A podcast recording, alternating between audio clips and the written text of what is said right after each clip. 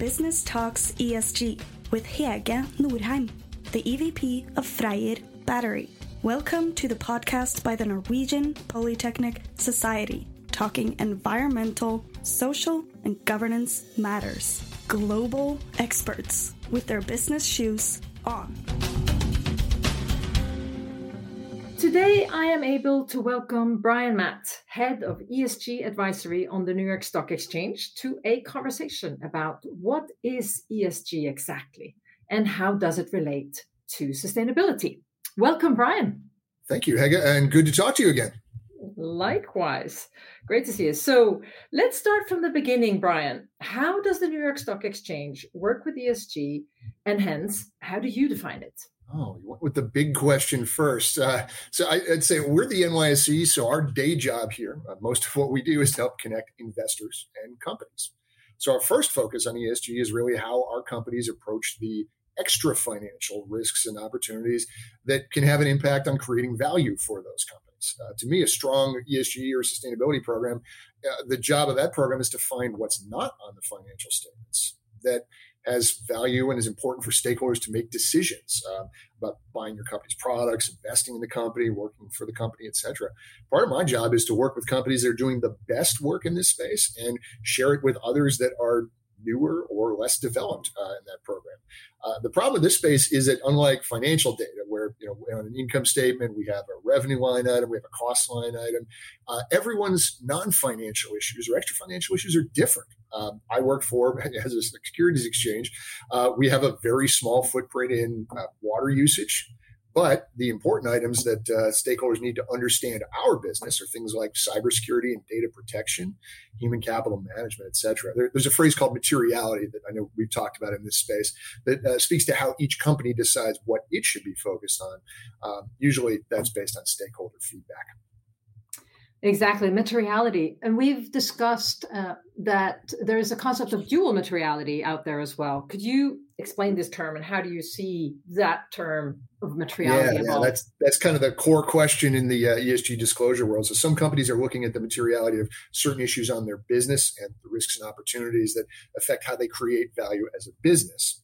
There's other companies that measure the impact that they are having as a business on society, on the planet as a whole um, on other uh, organizations outside the company. Uh, that really, and some actually report on both, this produces two different types of reporting types. Mm-hmm. So if you think about uh, the uh, IFRS Foundation is working to create an international sustainability standards board, that has a focus of just uh, what is the impact on the company. Uh, the GRI, Global Reporting Initiative, um, has more of a dual materiality uh, focus. Uh, so that does include impact out onto uh, society uh, and the planet as a whole. Mm. Um, that's really the, the debate underway within uh, ESG reporting organizations. I'd say just about all companies report some level of dual materiality. it's just a matter of how much focus there is on that relative to single materiality, and also how regulators, how NGOs, and how other organizations uh, come up with that approach and help centralize that type of reporting. Voila. Let's go to um, the E, the environmental issues, and obviously climate. Um, I think uh, you know tops tops the list of, of environmental issues, particularly maybe from the regula- regulatory side. How do you see companies approach that, as well as other environmental issues?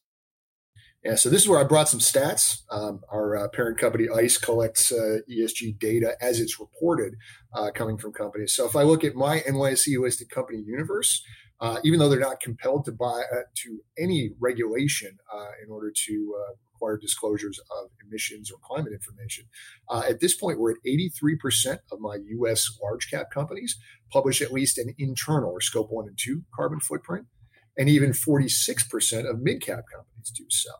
Uh, after that, about 70% of that large cap universe have already published forward looking emissions goals or targets of some kind. So that's done entirely on a voluntary basis. That's driven to meet stakeholder needs, even though there's no regulatory requirement that they do so. Uh, lots of other issues beyond climate, of course. Um, I had some math here. Uh, it was on water usage, for example. 94% of our large caps and 79% of our mid caps report on water usage or their approach to water. Uh, there's lots of different topics around waste that can be important to businesses. Um, many of our companies look at uh, their supply chains and publish targets that look at uh, how they engage with their supply chains. Uh, there are going to be other standards that are important in the environmental space as well. Um, think about biodiversity, think about natural capital. Uh, those are a little bit earlier in the structure of harmonizing and how we evaluate them, but uh, we do see more companies starting to disclose and, and, evaluate how they approach each of those issues. Hmm. Uh, on on the climate again, 83% of US large cap companies, you say, publish at least an internal carbon footprint. So meaning their scope one and scope two. Um, tell me a little bit more about that and how do you see the regulatory you know framework on climate yeah. reporting. So I, I, guess on that side, um, I, I, have a number. I, I, pulled this to the side here as well. So scope one and two is that uh, 83% of U.S. large cap companies, uh, 60% of companies disclose scope three as well in some mm. form. Uh, also 21% of mid caps. So there are still companies that are uh, looking both up and down their supply chains. It's obviously a lot tougher, especially in certain industries, to collect data uh, and get actual as reported data coming from suppliers and from customers. Uh, at the moment, again, all of this is voluntary, but the US SEC does have a rule proposal that we expect to go to a final rule in the next few months that would require companies to disclose scope one and two, plus also scope three if material or if included in a forward looking goal. Um, so there is regulatory action underway here. We'll see where that goes, um, but uh, really keep in mind that uh, a lot of companies are doing this on a voluntary basis to start with. Already, great. Let's go to, to the S, social issues. Um, how do you see that? Oh, uh, again, a, a, lot of uh, approaches here. Uh, first and foremost, you think about human rights. Uh, there have been plenty of concerns over time about uh, human rights, especially not even necessarily within the boundaries of a company, but uh, in the supply chain. I can look at my large cap universe again and say I've got 85% of those companies that have an active policy that they publish for engaging with suppliers on social issues, including human rights. Mm-hmm. After that, um, human capital management really jumps out. Uh, of course, it's material to every company. Uh, all companies are comprised in one form or another of humans. Therefore, uh, how we work with those humans uh, has a lot to do with uh, how we uh, operate a business. after that, environmental health and safety (EH&S). we do see some companies that, depending on industries, set targets and even compensate management based on employee health and safety. Product safety is important for consumer goods or industrial space. So there's a lot of different pieces that can fit into the, uh, the social issues, uh, depending on what industry you fall into. You, you said uh, though that human capital is uh, management is something that normally is common for all companies. There are there are humans in them. Could you say a little bit more about you know what do companies report around human capital management? Is it the training? Is it salary data, diversity data? Where do they go? Now, this is where I, I like to go back to uh, SEC also is expected to have a rulemaking on this, uh, a little bit more prescriptive rulemaking this year.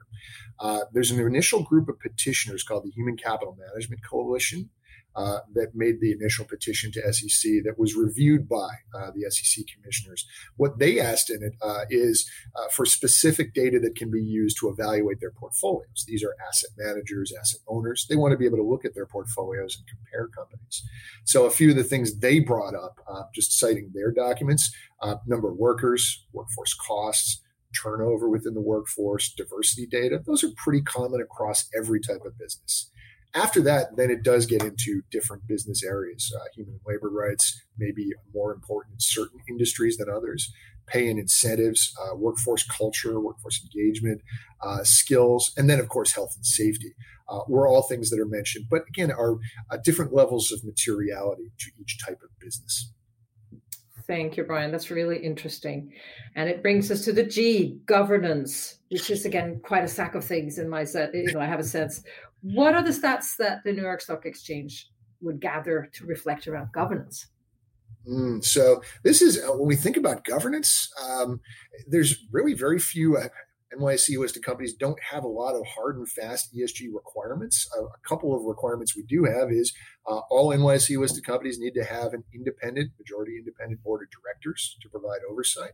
Uh, and there's key board committees, uh, NomGov, comp, audit committees that have to have a majority of independent directors. And we do have a definition for what's considered independent. Obviously, you have to uh, uh be operating from an oversight point of view. Beyond that, uh, governance is really a, a, set of practices that companies observe. Uh, it's almost a, a, know it when you see it. Uh, for some companies, uh, business ethics or human capital are very important issues and need specific types of oversight. Uh, I mentioned earlier, uh, cybersecurity, data protection are very important to my business. We house customer data. If we don't get that right, we don't get anything right. Therefore, uh, we are very careful about our oversight of uh, cybersecurity, uh, customer data protection, etc. Uh, after that, I see just a lot more companies that are covering ESG issues broadly at the board level. Um, I think your board structures in Norway might be a bit different than ours in terms of the legal or fiduciary duty, but the reality is that the goal of oversight is still the same. It's to know what the material issues, risks are for the business, have lines of oversight set up so that each of those items can be reviewed periodically, and then make sure on the end of oversight, uh, the board or uh, other designees of the board have the right skills and the right backgrounds to be able to provide effective oversight, understand what questions they're asking, what the right answers are for each of those. So there's a lot that you can build into governance.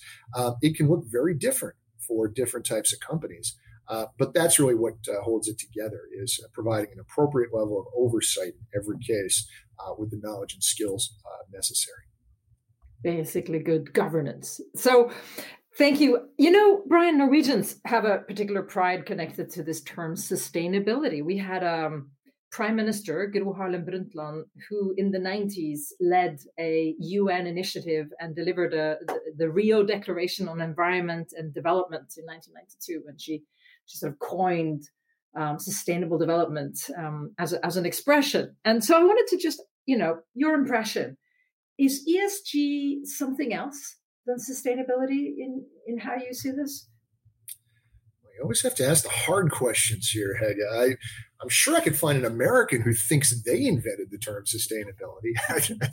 I, there's obviously there's no uh, full standard definition of what is ESG or what is sustainability.